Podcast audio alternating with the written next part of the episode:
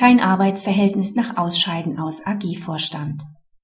Im Dienstvertrag eines AG-Vorstands kann ein Arbeitsverhältnis bei Beendigung der Organstellung vereinbart werden.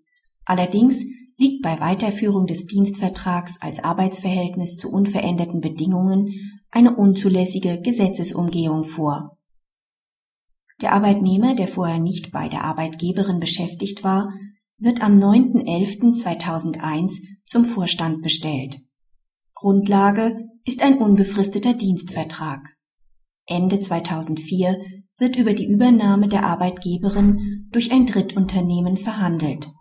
Im Zusammenhang mit den Übernahmeverhandlungen schließen die Parteien am 9.12.2004 einen neuen Dienstvertrag. Danach soll im Fall der Beendigung der Organstellung des Arbeitnehmers das in diesem Vertrag geregelte Anstellungsverhältnis als Arbeitsverhältnis weitergeführt werden.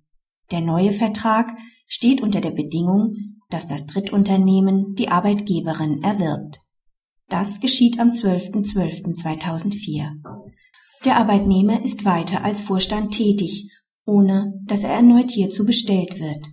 Der Aufsichtsrat der Arbeitgeberin erklärt am 15.02.2005 den Widerruf der faktischen Bestellung und die Beendigung des Anstellungsvertrags vom 9.12.2004. Der Arbeitnehmer klagt auf Feststellung, dass ein Arbeitsverhältnis zustande gekommen ist. Vorstandsmitglieder können nur für fünf Jahre bestellt, der zugrunde liegende Dienstvertrag nur für fünf Jahre geschlossen werden. Der ursprüngliche Dienstvertrag ist zwar unbefristet, das führt aber nicht zur Unwirksamkeit, sondern nur zu einer zeitlichen Begrenzung. Der erste Dienstvertrag des Arbeitnehmers endet also am 8.11.2006. Der zweite Dienstvertrag bildet keine Grundlage für das Bestehen eines Arbeitsverhältnisses. Die vertragliche Regelung ist nach 84 Absatz 1 Aktiengesetz und 134 BGB nichtig. Die Vertragsparteien können zwar ein Arbeitsverhältnis im Anschluss an ein Dienstverhältnis wirksam vereinbaren, weil der Ablauf des Dienstvertrags nicht das Ende sämtlicher Rechtsbeziehungen bedeuten soll. Im vorliegenden Fall stellt die Regelung aber eine unzulässige Umgehung von 84 Absatz 1 Aktiengesetz dar, der eine unbegrenzte Bindung der AG an ihren Vorstand verhindern soll. Hier soll der Arbeitnehmer zu unveränderten Bedingungen weiter beschäftigt werden.